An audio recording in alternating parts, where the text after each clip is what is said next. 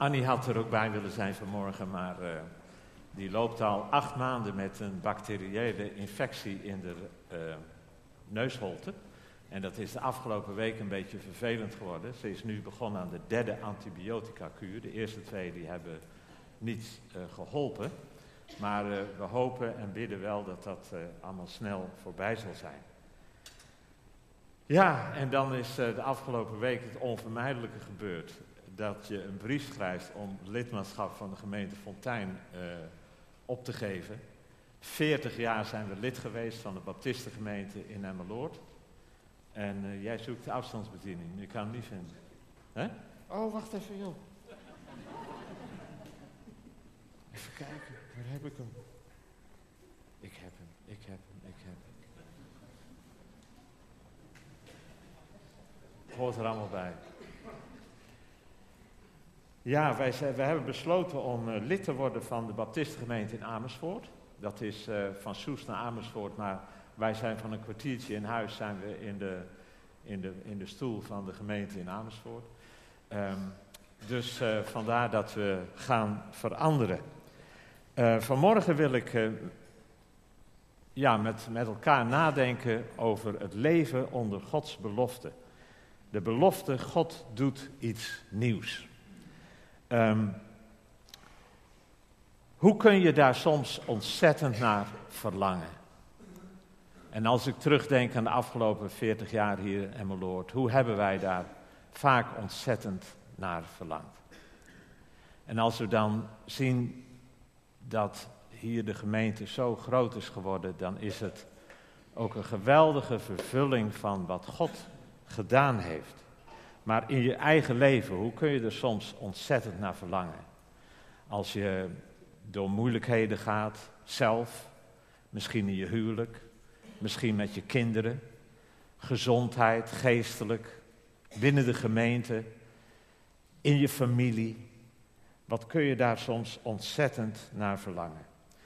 Annie en ik hebben de afgelopen maand, een maand in, zijn een maand in Thailand geweest voor ons werk. En, uh, want ik ben gepensioneerd, maar ik uh, klus nog wel hier en daar een beetje. Um, en toen hebben we vaak gezegd, wat wij daar hebben gehoord en hebben gezien, dat is een getuigenis en dat doet ons denken aan die geweldige belofte in 1 Korinthe 2, vers 9, die we zo gaan lezen, waar God zegt, hè, wat geen oog heeft gezien, wat geen oor heeft gehoord en wat in geen mensenhart is opgekomen, dat heeft God bereid voor hen die Hem liefhebben. Die belofte die komt uit Jesaja 63 en 64 en u hoeft het niet op te slaan, maar ik wil dat een beetje uh, tekenen uh, door hier en daar wat uit dat gedeelte voor te lezen. Dat is een profetisch gebed van de profeet Jeremia. Over een situatie die er nog niet is, maar hij bidt alsof het er al is.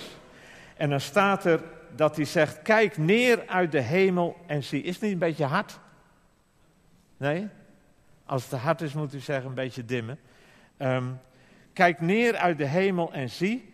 En dan zegt hij: U, Heer, bent onze Vader, onze verlosser van oude tijden af. Heren, waarom doet u ons afdwalen? Onze tegenstanders hebben uw heiligdom vertrapt. En dan lees ik zo een paar versen. Och, dat u de hemel zou openscheuren en dat u zou nederdalen.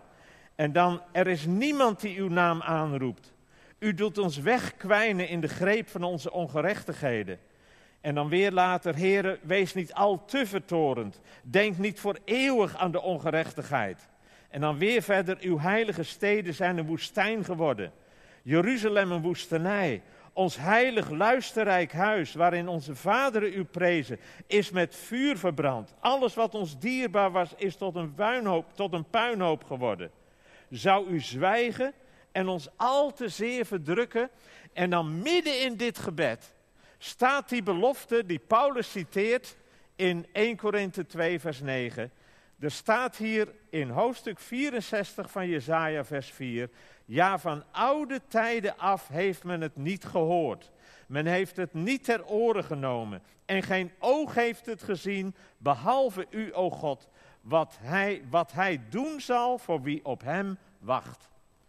Die belofte, in dat gebed van Jezaja, dat is waar we over na gaan denken. Nou, van Jezaja, dat gebed is een jammerklacht. Een jammerklacht uit een hopeloze situatie. En ehm, ja, dat is een jammerklacht die heel herkenbaar is. Soms ga je door zulke moeilijke tijden, zulke moeilijke tijden, dat je alleen maar kan roepen tot God, Heer, hoe lang nog? Scheurt u toch de hemel open? Heere God, doet u iets, doet u iets. Het kan ook zijn dat je zo verdriet hebt over wat je ziet in je eigen land. Sinds de Tweede Wereldoorlog is Nederland een koers gegaan die Nederland tot een totaal ander land gemaakt heeft als wat het voorheen was. Nergens in de wereld is een ander land waar de secularisatie zo ontzettend snel om zich heen gegrepen heeft als in ons land. En sommigen van ons voelen dat in onze eigen familie en gezinnen. Uh, het kan zijn dat je getroffen bent door de zorg om de wereld. En dat je roept tot God: Heer, hoe lang nog doet u er toch iets aan? Annie en ik hebben van de week een hele indringende documentaire gezien. Die heet Een dienstmeisje in de hel. Over vrouwen die uit Azië en uit Afrika komen om te werken in het Midden-Oosten. En daar terechtkomen in ten hemel schrijende omstandigheden. Als hulp in de huishouding van moslimgezinnen in het Midden-Oosten. En dan denk je, als je dat allemaal ziet, en we komen net uit Thailand en daar zijn we overweldigd door de enorme seksindustrie die je in Thailand hebt. Dat je zegt, Heere God, hoe lang nog? Doet u iets? Doet u er iets aan? Paulus, die past deze belofte, wat geen oog heeft gezien en wat geen oor heeft gehoord, wat in geen mensenhart is opgekomen, dat heeft God bereid voor hen die hem liefhebben. God past deze belofte toe op zijn eigen situatie. De situatie zoals hij die aantrof in Korinthe, waar hij de brief aan schrijft, waar we zo dadelijk een stukje uit zullen lezen.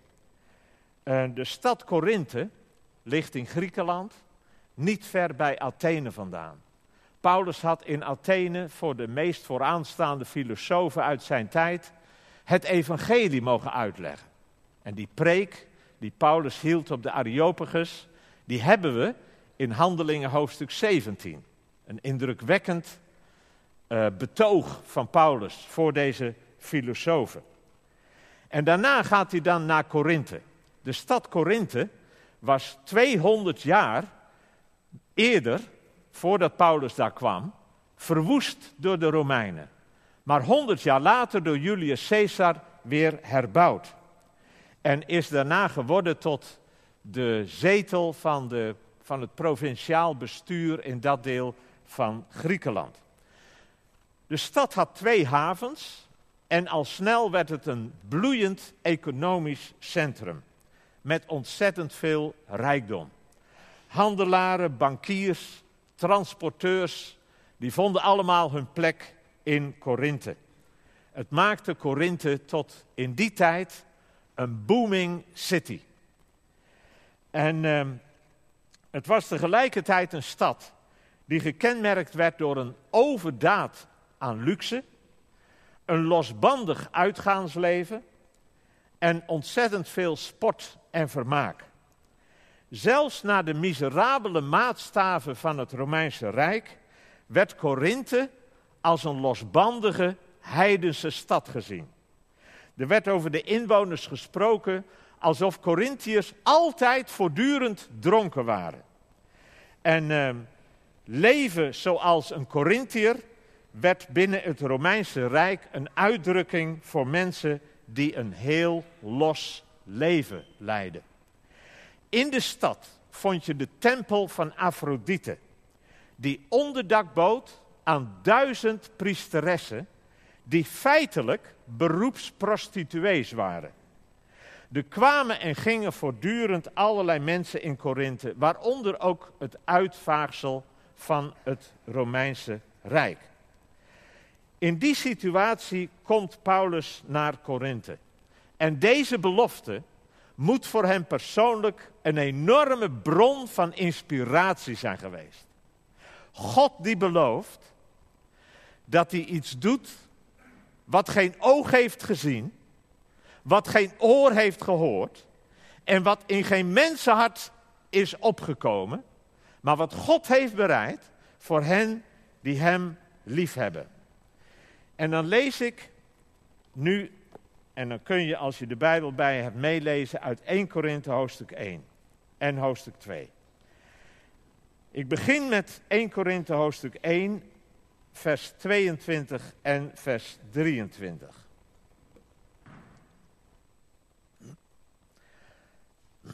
Daar staat, immers de Joden vragen om een teken en de Grieken zoeken wijsheid. Wij echter prediken Christus, de gekruisigde, voor Joden een struikelblok en voor de Grieken een dwaasheid. Dat is opvallend. Ieder heeft zijn ding. Paulus zegt, de Joden vragen om een teken. De Grieken verlangen naar wijsheid. Wel, als ik dat lees, de Joden vragen om een teken, dan denk ik bij mezelf, ze hebben gekregen wat ze zochten. Geen enkel volk heeft zoveel wonderen en tekenen door de handen van Jezus zelf gezien als het Joodse volk. Opzienbarende, niet van die halfzachte, nee, opzienbarende dingen. Groepen van 10, 15.000 mensen die gevoed werden met, twee met een paar broodjes en, en twee vissen. Jezus die liep over het water. Jezus die een dode opwekte die al begraven was, waar lijklucht uit het graf kwam. En er zijn zoveel wonderen gebeurd dat Johannes aan het einde van het Johannesevangelie schrijft, als ze allemaal beschreven zouden zijn, dan zou de wereld de boeken niet kunnen bevatten van al de beschrijvingen van de meest wonderbaarlijke dingen die Jezus heeft gedaan onder het Joodse volk. Ze hebben gekregen wat ze verlangden. Zijn ze daardoor tot geloof gekomen? Helaas niet. Zij hebben Jezus afgewezen. Paulus zegt in Romeinen hoofdstuk 11, als hun verwerping van de Messias al zoveel zegen voor de wereld brengt, hoeveel zegen zal dan hun aanneming zijn?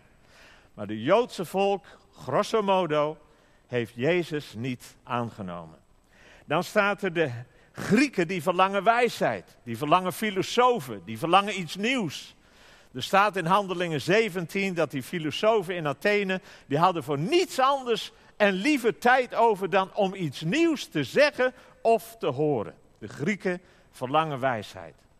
En Paulus komt dan net uit Athene aan in Korinthe en dan zegt hij, wij prediken Christus, de gekruisigde. Hij had besloten met een nieuwe passie om Jezus en Jezus alleen te brengen aan de mensen die hij in Korinthe zou ontmoeten. En dan schrijft hij verder in hoofdstuk 2: Ik, broeders, toen ik bij u kwam, ben niet gekomen om u met voortreffelijkheid van woorden of wijsheid het getuigenis van God te verkondigen. Ik had mij voorgenomen om niets anders onder u te weten dan Jezus Christus en die gekruisigd. Sommigen van jullie weten nog wel dat die oude, grijze, lange, tanige dominee Dick van Keulen hier wel eens heeft gepreekt. Toen hij afscheid nam als dominee van de gemeente die die jaren had gediend, was dit zijn tekst. Ik had besloten niets anders onder u te weten dan Jezus Christus en die gekruisigd. Dat is een prachtig woord. Jezus is de hoofdpersoon van de Bijbel. Zelfs als je de Bijbel alleen maar oppervlakkig leest, dan zul je die conclusie trekken. De Bijbel begint nog maar net, of er wordt al een stille hint gegeven dat hij komen gaat. In de psalmen, in de profeten, allerlei vooraf aankondigingen van zijn komst. Dan staan er maar liefst vier levensbeschrijvingen van Jezus in de Bijbel. Het eeuwig leven wordt gedefinieerd als het kennen van Jezus. Dit nu is het eeuwig leven, dat ze u kennen en Jezus Christus die gij gezonden hebt. En dan eindigt de Bijbel, de laatste woorden van de Bijbel zijn de belofte dat Jezus wiens eerste komst we vieren met kerst, dat Jezus weer gaat komen, terug gaat komen in majesteit en glorie. Jezus is de hoofdpersoon van de Bijbel. En Paulus zegt, ik had besloten om niets anders te weten en de mensen te vertellen dan Jezus Christus en die gekruisigd. Dat hij het toonbeeld is van Gods liefde die zoveel van ons houdt, dat God zijn eigen zoon niet had gespaard, maar hem voor ons en onze zonde in onze zondige situatie had gegeven, overgegeven. En zo ging hij naar Korinthe toe, met dat besluit in zijn hart. En dan staat er in vers 7 van hoofdstuk 2, wij spreken de wijsheid van God als een geheimenis. Een wijsheid die verborgen was en die God voor alle eeuwen voorbestemd heeft tot onze heerlijkheid. Een wijsheid die niemand van de leiders van deze wereld heeft gekend. Immers, als ze die gekend hadden, dan zouden ze de Heere der heerlijkheid niet gekruisigd hebben. Maar het is zoals geschreven staat. Wat geen oog heeft gezien en geen oor heeft gehoord en in geen mensenhart is opgekomen, dat is wat God bereid heeft voor hen die hem liefhebben. De belofte. De belofte. En die belofte, die zal Paulus ontzettend geïnspireerd hebben. Dat God bij machten is om zelfs in Korinthe iets te doen, dat heeft geen mens ooit eerder meegemaakt. En die belofte hield hem in de vaart. Die belofte gaf hem moed. Die belofte inspireerde hem. En met die belofte ging hij er tegenaan. Ik kom net, ik vertelde het al, van een maand uit Azië, uit Thailand waar Annie en ik hebben mogen helpen bij de honderdste Leadership Matters cursus. In januari zijn we heel blij mee. Gaan jullie daar ook weer voor collecteren, zoals je dat elk jaar doet in januari. Dit was de honderdste cursus, een mijlpaal. 25 jaar zijn we daar zeer intensief bij betrokken geweest. Als je goed kijkt, zit je middenin, achteraan, Gert en Mario Jonkheer. Die de cursus ook hebben gedaan. En was ontzettend leuk om vijf dagen bij hun op bezoek te zijn en om daarna samen met elkaar die cursus door te maken. Ehm, wij hebben in die cursus allerlei dingen gehoord van mensen die werken in tien verschillende landen in Zuidoost-Azië. Allerlei dingen gehoord waardoor we vaak gezegd hebben, wat geen oog heeft gezien, wat geen oor heeft gehoord en wat in geen mensenhart is opgekomen, dat heeft God bereid voor hen die hem lief hebben.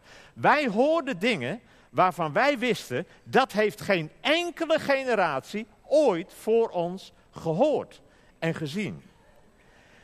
Toen, uh, de, Sovjet, toen de Mongolië onderdeel was van de Sovjet-Unie, waren er in Mongolië minder dan een handvol christenen in het land Mongolië.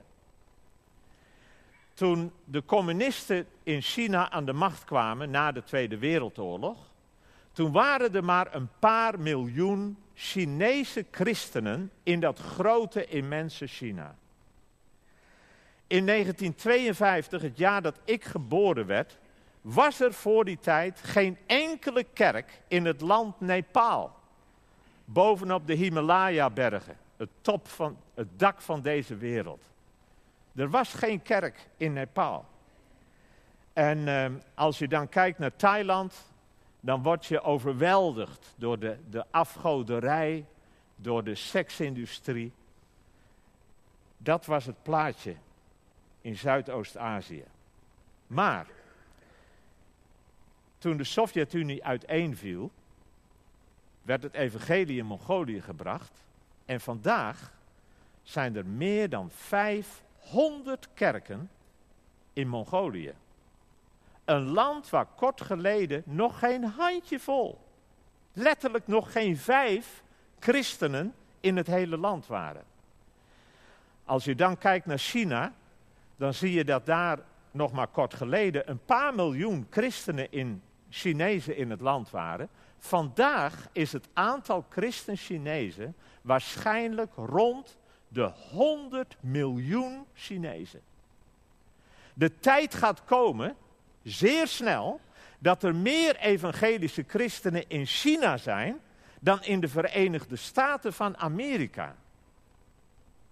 U zit me aan te kijken alsof je dat soort dingen iedere, iedere dag hoort en iedere week hoort. Dit zijn dingen die heeft geen enkele generatie voor ons ooit gezien of gehoord. Wat geen oog heeft gezien, wat geen oor heeft gehoord, wat in geen mensenhart is opgekomen, dat heeft God bereid. Als je dan kijkt naar Laos, wij hoorden een verhaal, een prachtige getuigenis van een stam, een volk, dat woont op de grens tussen Laos en Vietnam.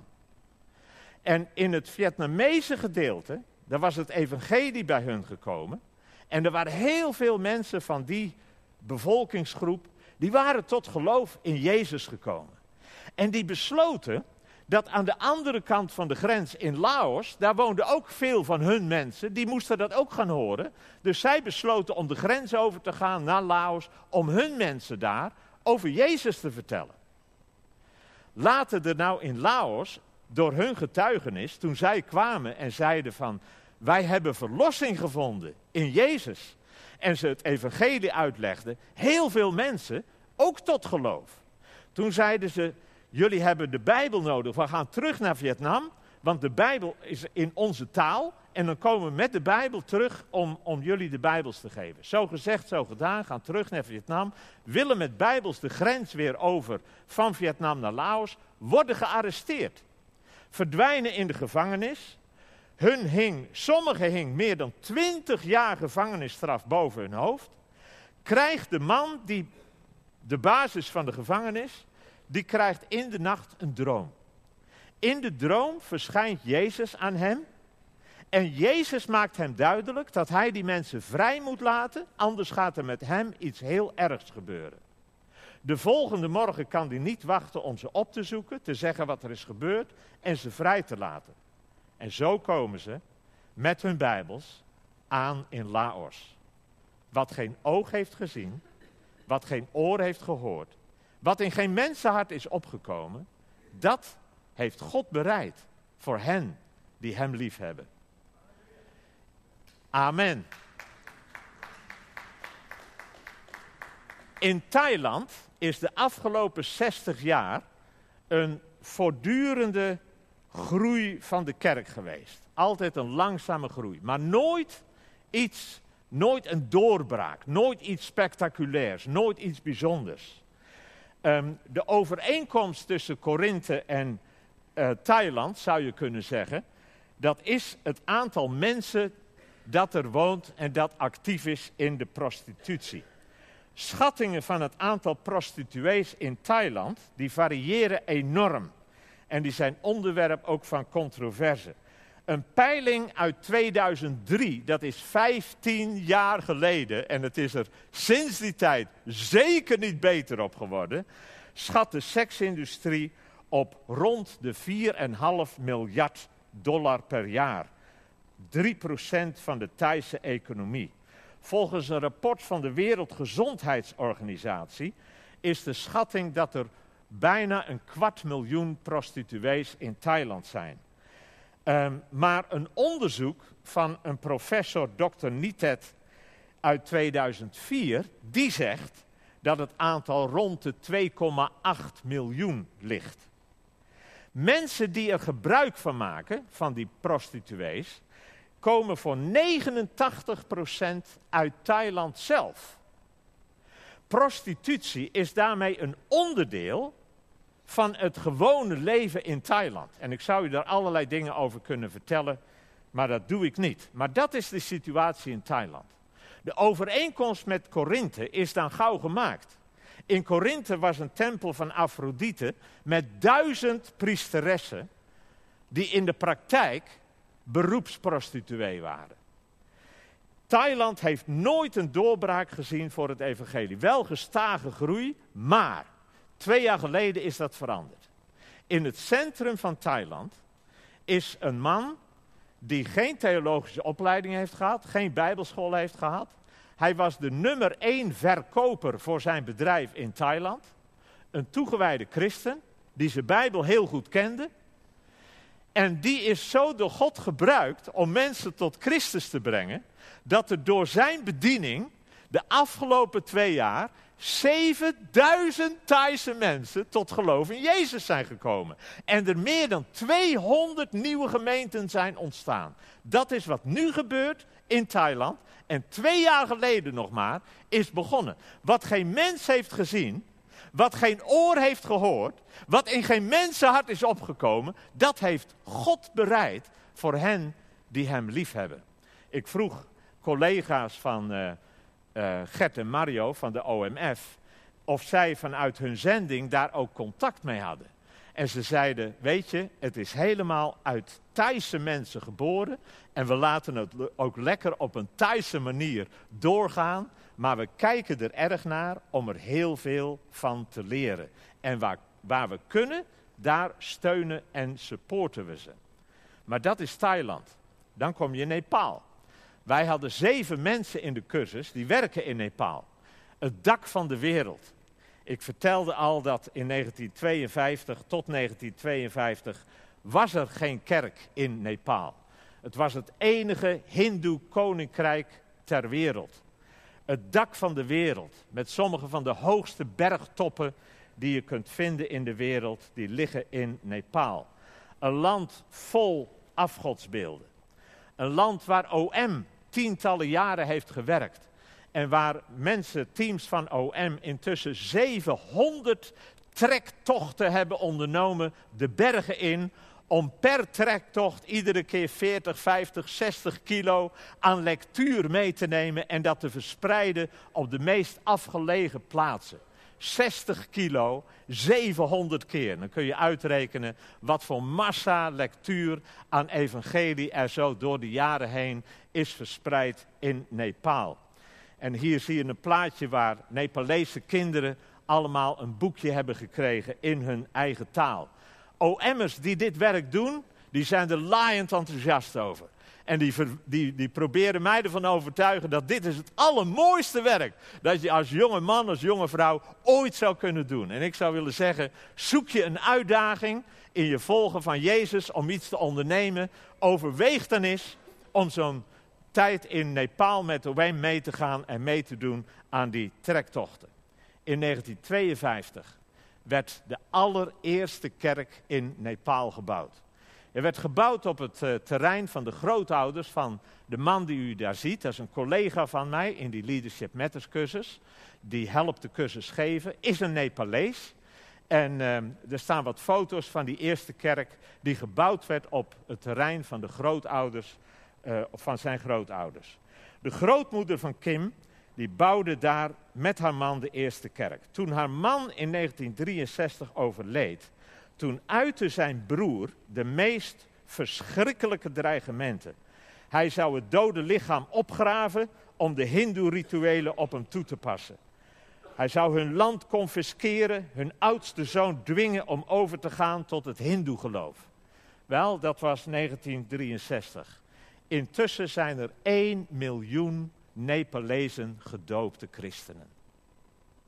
Wat geen oog heeft gezien, wat geen oor heeft gehoord, wat in geen mensenhart is opgekomen, dat heeft God bereid voor hen die Hem liefhebben. Een van de deelnemers in de training was broeder Daan. Broeder Daan is 35 jaar geleden tot geloof gekomen. En uh, hij heeft me daar uitgebreid over verteld. Hij, uh, hij kwam tot geloof. Zijn vader was een sjamaan, een priester in het Hindoeïsme, een voor, of vooraanstaande sjamaan. En uh, toen hij tot geloof kwam, toen heeft zijn vader hem gezegd dat hij het huis kon verlaten om niet meer terug te komen. Toen is hij op reis gegaan. Toen is hij in contact gekomen met, andere christenen, en die, uh, een christenman. En die vroeg hem, hij zegt, nu je Jezus wil volgen, wil je ook gedoopt worden? En Daan zei tegen hem, hij zegt, ja natuurlijk, ik wil heel graag gedoopt worden. En toen zei die man, hij zegt, dat is in Nepal verboden. Als je in Nepal toen liet dopen, ging je vijf jaar de gevangenis in. Uh, hij, en toen zei die man tegen hem, hij zegt, Daan, zullen we dan naar India gaan? Dan ga ik je in India dopen. Zo gezegd, zo gedaan. Op hun weg richting India komen ze een andere Nepalese broeder tegen in een dorp, die een bekendheid is. Die man had al tien jaar gevangenisstraf achter de rug.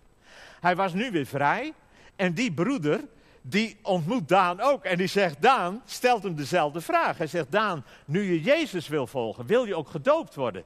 Ja, zegt Daan, ik wil heel graag gedoopt worden. Toen zegt die oude broeder tegen Daan, die stelt hem drie vragen. En Daan vertelde me dat. De eerste vraag die Daan gesteld werd door die oude broeder, die was, uh, geloof je met heel je hart in de Heer Jezus en in de Heer Jezus alleen? Ja, zegt Daan.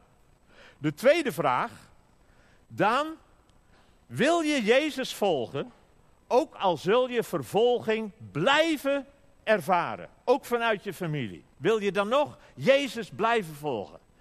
Ja, zegt Daan.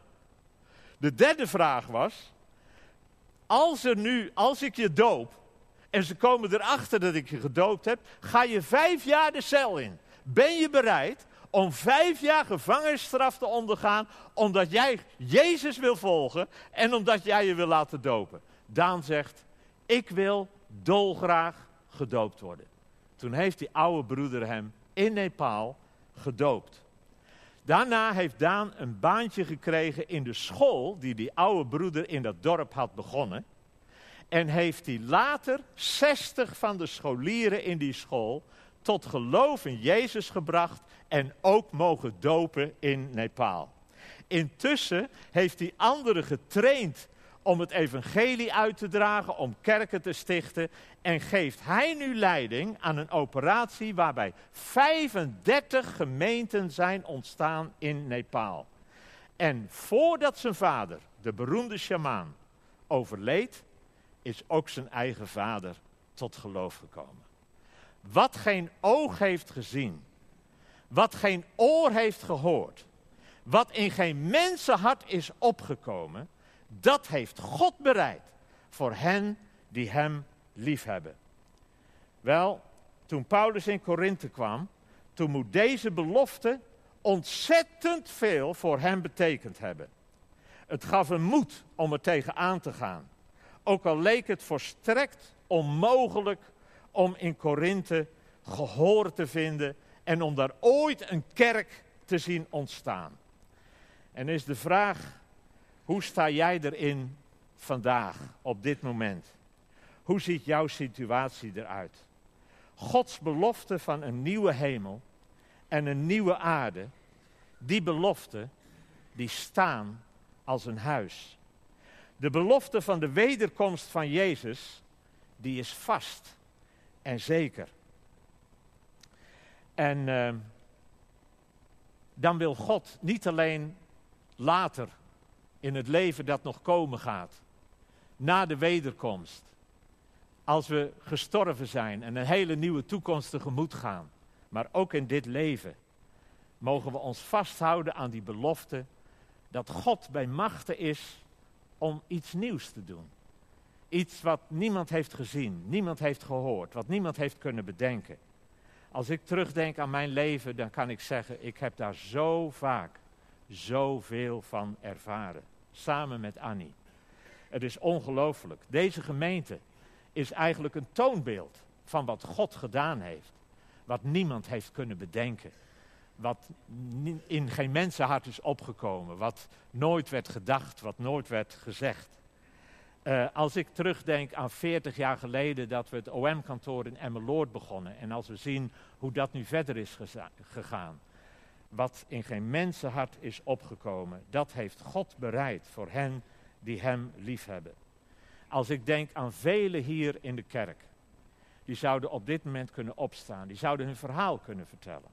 En dan zouden we indrukwekkende verhalen horen van getuigenissen van wat God gedaan heeft. Wat geen oog heeft gezien, wat geen oor had gehoord, wat in geen mensenhart was opgekomen. Dat heeft God gedaan. En dat kan God doen. En daarom hoop op God. Heb hem lief boven alles. Verwacht het van hem. Blijf je biddend en vol vertrouwen inzetten in je gezin, binnen je familie, in de gemeente, op je werkplek, op je school, in je woonplaats, in Nederland en voor de rest van de wereld. Want God doet voortdurend dingen die geen mens had kunnen bedenken. We zongen straks dat prachtige lied. De toekomst is zeker. Ja, eindeloos goed. Amen. Zullen we samen danken en bidden?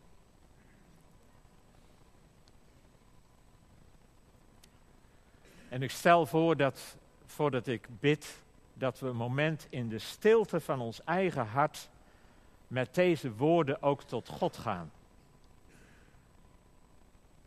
En dat we in ons eigen hart ook reageren op wat we net gelezen hebben in de Bijbel. Deze prachtige belofte.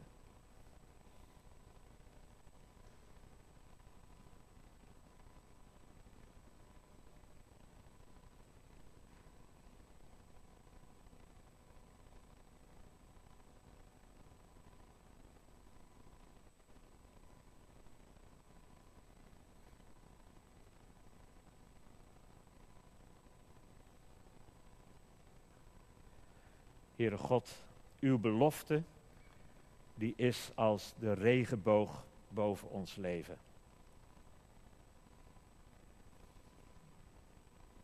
We hebben het gezongen, de toekomst is zeker, ja eindeloos goed. En daarom bidden we u, in volle afhankelijkheid, Heere God, hou ons vast. Hou ons hart vol van liefde, brandende liefde voor u, Heer Jezus. En hou de hoop en de verwachting levend in ons leven. En help ons om u vast te houden. En we danken u, Heer, dat we ook in dagen als deze als gemeente, dat we daarin elkaar kunnen vasthouden, kunnen bemoedigen en elkaar mogen helpen om te zien op u en op uw belofte. U die zegt, wat geen oog heeft gezien, wat geen oor heeft gehoord, wat in geen mensenhart is opgekomen, dat hebt u bereid voor hen die op u wachten, voor hen die u lief hebben. Dank u wel daarvoor. Amen.